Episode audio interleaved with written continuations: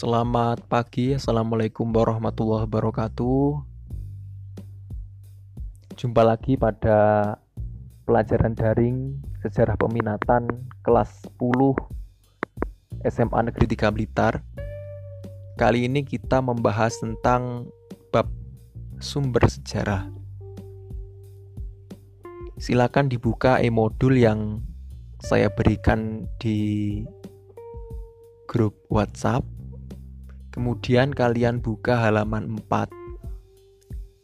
Pada modul ini kita membahas tentang sumber sejarah. Sumber sejarah itu kita klasifikasikan. Yang pertama berdasarkan bentuknya, yaitu sumber tertulis, sumber benda, sumber lisan, dan sumber visual. Klasifikasi berikutnya berdasarkan urutan penyampaiannya, yaitu sumber primer dan sumber sekunder. Kegiatan pembelajaran 1 di halaman 4 bagian bawah.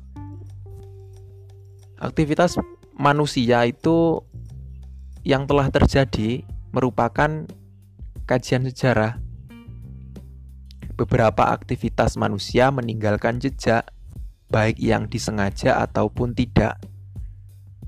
Contohnya, ketika kita belajar di sekolah, kalau SMP 3 tahun ya, itu umumnya meninggalkan jejak seperti rapot, ijazah, foto, buku kenangan kelulusan, dan lain sebagainya.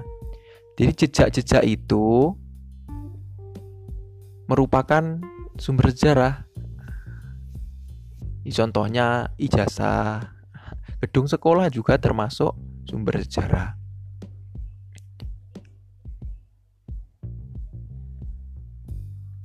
Kita menuju definisi sumber sejarah di halaman 6 Profesor Kunto Wijoyo mendefinisikan sejarah sebagai rekonstruksi masa lalu. Nah, untuk merekonstruksi, mengungkap, mengisahkan kembali, itu membutuhkan jejak sumber sejarah tadi.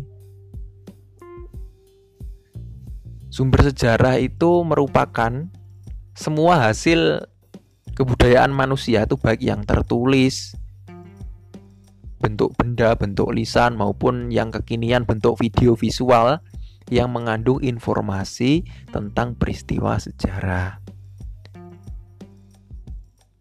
Sejarah bukanlah mitos. Jadi yang dituliskan dalam sejarah itu bukan hayalan peneliti.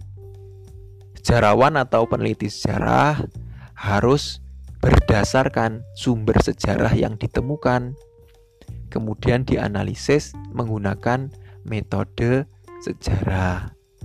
Nah, informasi apa yang dapat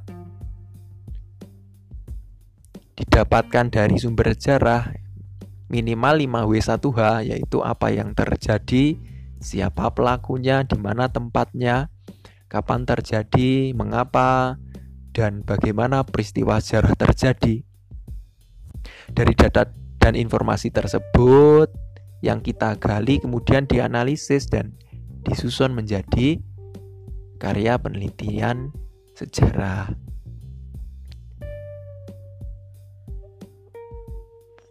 Kita menuju ke klasifikasi sumber sejarah di halaman 7.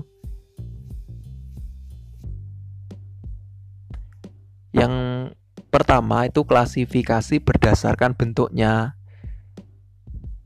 yang pertama ada sumber tertulis, yaitu sumber yang didapatkan melalui catatan yang tertulis. Lah, apa saja contohnya sumber tertulis?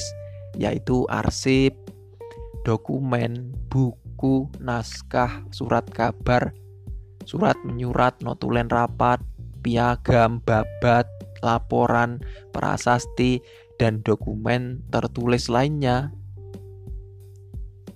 Nah, ini di halaman 8 contohnya ada buku dan juga prasasti ya.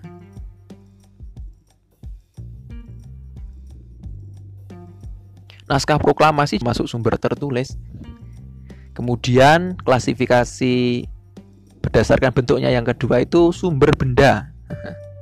Sumber benda itu sumber sejarah yang diperoleh dari peninggalan benda-benda hasil kebudayaan manusia. Umumnya tersimpan di museum maupun dipelihara di tempat aslinya yang dijadikan cagar budaya yang dilindungi oleh pemerintah. Sumber benda itu sangat luas mulai dari praaksara hingga sekarang. Nah, ini masih dibagi lagi menjadi beberapa jenis ya. Yang pertama artefak.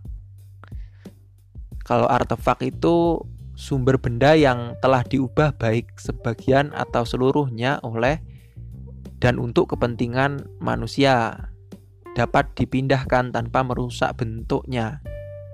Dan di halaman 9 itu contohnya ada negara perunggu dari masa Paleolitik.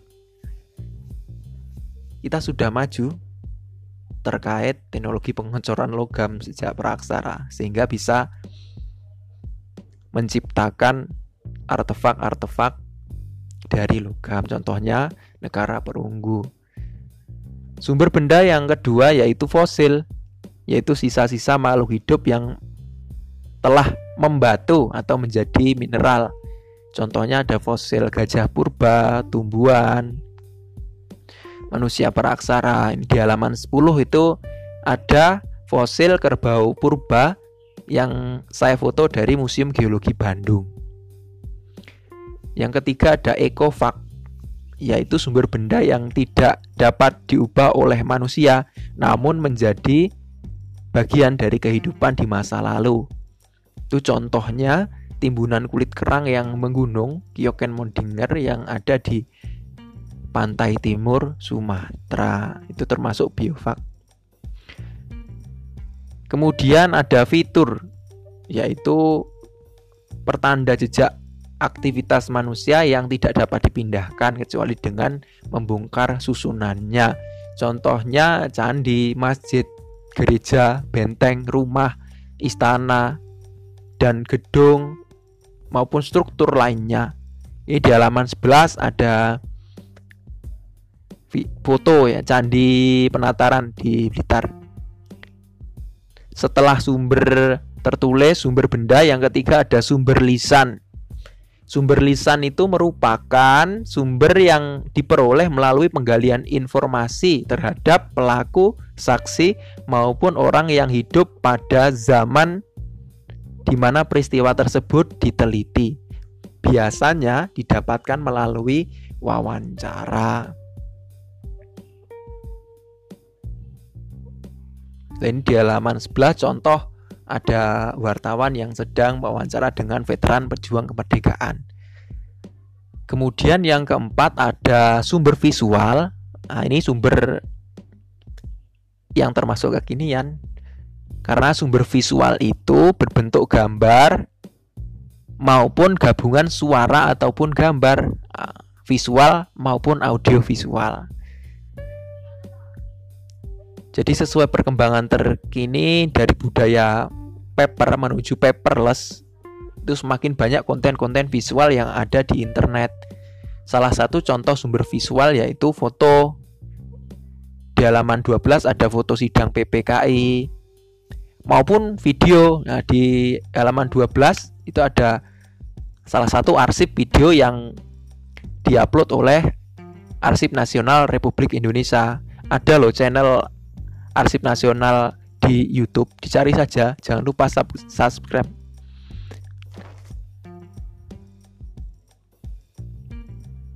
Nah itu sementara untuk pertemuan kali ini ya. Untuk latihan di halaman 13 hingga 15 itu silahkan dicoba. Itu hanya li, hanya 5 soal Oke terima kasih untuk pertemuan sekarang sampai di sini. Jika ada pertanyaan, silakan menghubungi lewat WA maupun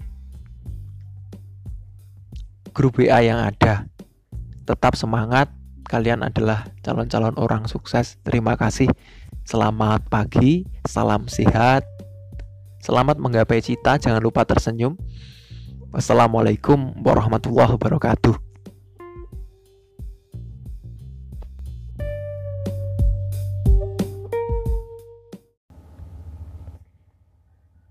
Assalamualaikum warahmatullahi wabarakatuh. Kali ini kita akan membahas tentang asesmen nasional dan asesmen kompetensi minimum. Asesmen nasional adalah program evaluasi yang diselenggarakan Kemdikbud untuk memotret secara komprehensif mutu proses dan output pembelajaran pada satuan pendidikan. Terdapat tiga instrumen utama dalam asesmen nasional. Yang pertama adalah asesmen kompetensi minimum atau AKM ini mengukur literasi dan numerasi. Kemudian yang kedua adalah survei karakter dan yang ketiga adalah survei lingkungan belajar. Petunjuk tentang asesmen nasional dan AKM telah diterbitkan oleh Pusat Asesmen dan Pembelajaran Kemdikbud di dua buku ini ada AKM dan implikasinya pada pembelajaran serta tanya jawab AKM. Kemudian ada ada juga di website pusmenjar.kemdikbud.go.id slash AKM. Kemudian ada juga pada materi guru belajar seri AKM. Kita akan membahas lebih lanjut yang sedang viral dalam dunia pendidikan adalah apa perbedaan asesmen nasional dengan ujian nasional AN versus UN. Kita bandingkan yang pertama kriteria pembanding itu tujuan. Kalau asesmen nasional itu mengevaluasi mutu terkait sistem satuan pendidikan. Jadi diukur pula input, proses, output pembelajaran, karakter peserta didik, serta lingkungan belajar. Kalau ujian nasional itu hanya mengevaluasi capaian hasil belajar siswa secara individu. Jadi kalau AKM itu mengukur mutu satuan pendidikan, kalau ujian nasional itu hasil belajar siswa secara individu. Kemudian kriteria kedua, jenjang penilaian asesmen nasional itu di tingkat dasar, menengah, dan program kesetaraan. Kalau ujian nasional itu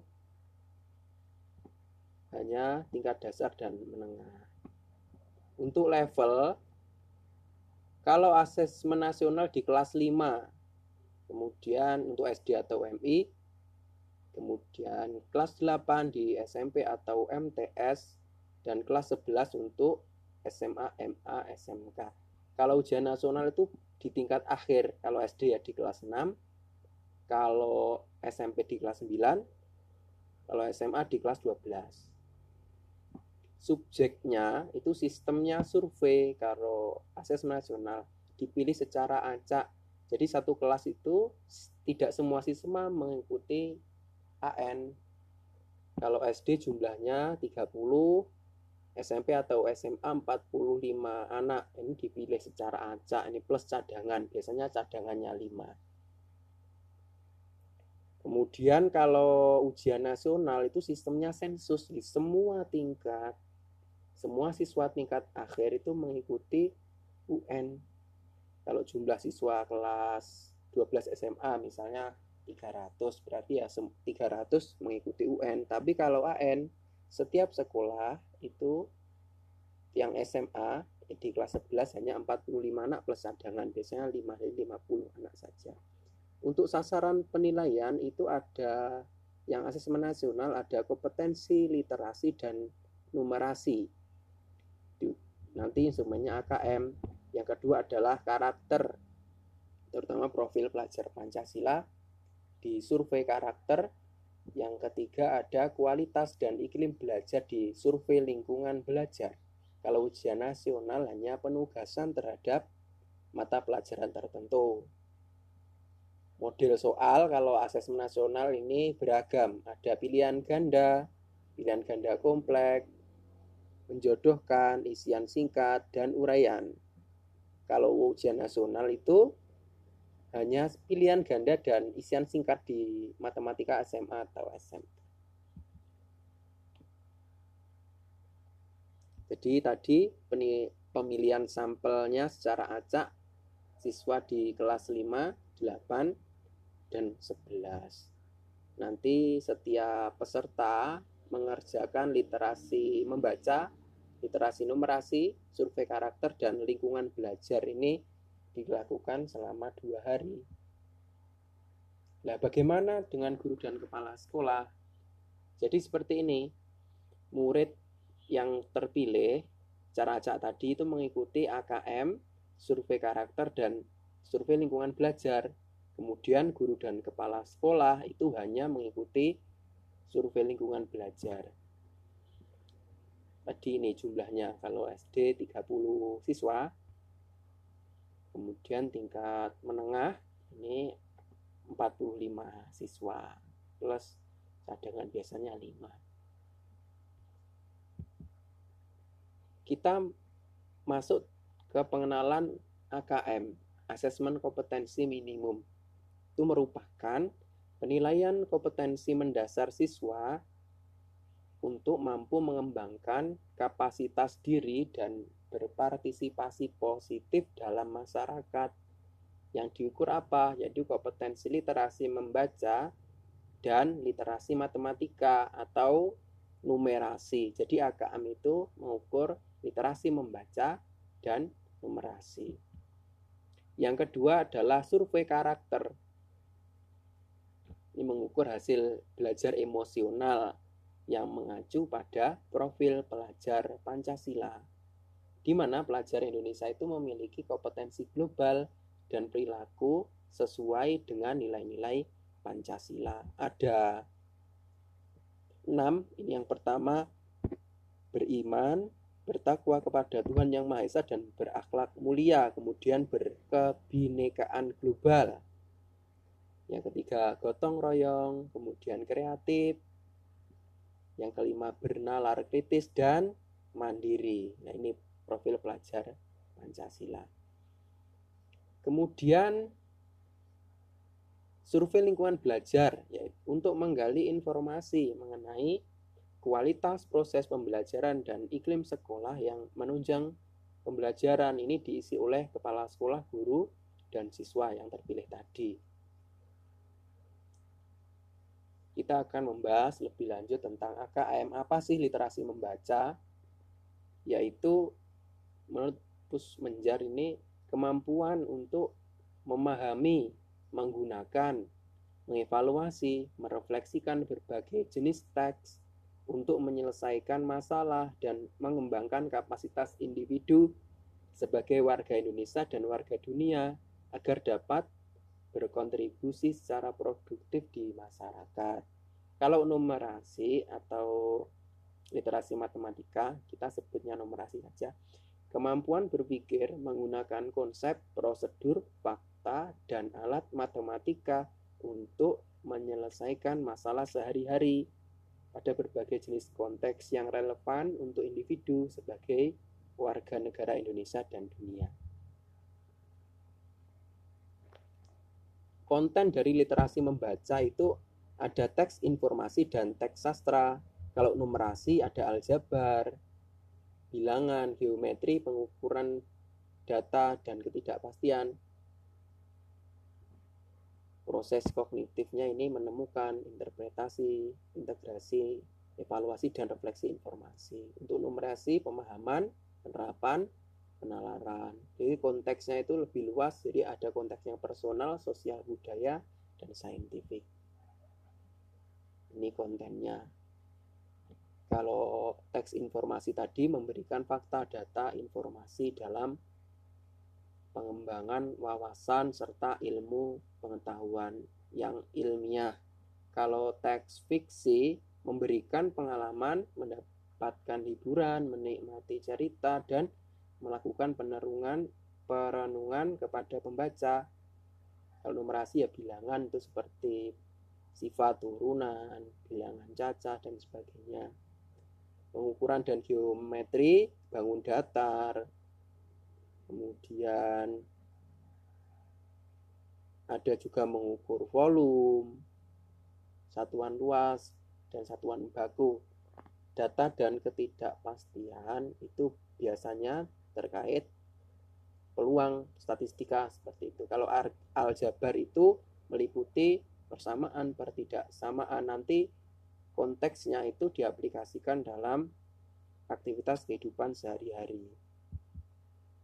Bentuk asesmen nasional soalnya tadi kan ada banyak, ada yang pilihan ganda, pilihan ganda kompleks, menjodohkan, isian singkat dan uraian, jadi lebih beragam. Nah, bagaimana contoh soal AKM? Itu kita bisa mengunjungi jadi webnya dari Pusat Asesmen dan Pembelajaran di https t2 slash slash pusmenjar.kemdikbud.go.id slash AKM jadi ini nanti disediakan tingkatannya contoh soal latihan dan sebagainya. Ini contoh soal kelas 5 yang numerasi jadi soalnya itu diintegrasikan dalam konteks kehidupan sehari-hari jadi lebih nyata Contohnya ini untuk soal nomor satu yang isian singkat. Ini yang nomor dua. Ini pilihan ganda. Jadi disedia seperti ini soal cerita bagaimana membuat bolu kukus. Untuk untuk setiap resep memerlukan seperlima kilogram gula dan sebagainya. Jadi pertanyaannya ketika Fitri yang setiap resep tadi seperlima kilogram ketika ditimbang itu menunjukkan 250 gram. Jadi seperti timbangan di bagian kanan ini.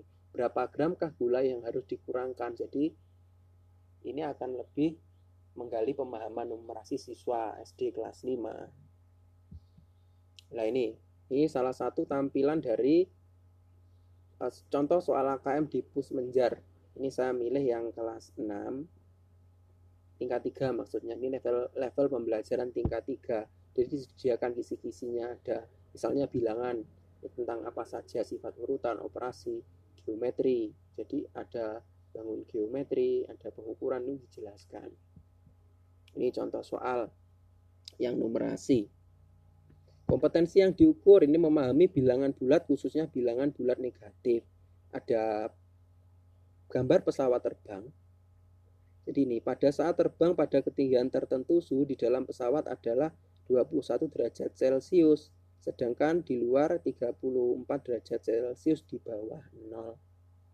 Berdasarkan wacana di atas, tentukan benar atau salah pernyataan berikut ini. Itu salah satu contoh soal numerasi. Kalau ini contoh soal literasi, disediakan infografis, kemudian disuruh untuk mencari teks informasinya ini. Ini pertanyaannya. Pernyataan manakah yang sesuai dengan isi informasi dalam infografik tersebut. Jadi siswa itu akan mengeksplorasi kemampuan literasinya. Nah ini, bagaimana hasil AKM dilaporkan? Nanti literasi membaca ataupun literasi numerasi akan menghasilkan kriteria-kriteria yaitu perlu intervensi khusus, perlu intervensi khusus, kemudian kemampuan dasar, cakap, dan mahir yang nantinya dapat digunakan sekolah untuk meningkatkan proses dan hasil belajar siswa. Oke, sekian saja kita membahas tentang asesmen nasional dan asesmen kompetensi minimum. Semoga bermanfaat. Apabila ada salah, mohon maaf. Samudra yang tenang tidak akan menghasilkan pelaut-pelaut handal. Terima kasih. Assalamualaikum warahmatullahi wabarakatuh.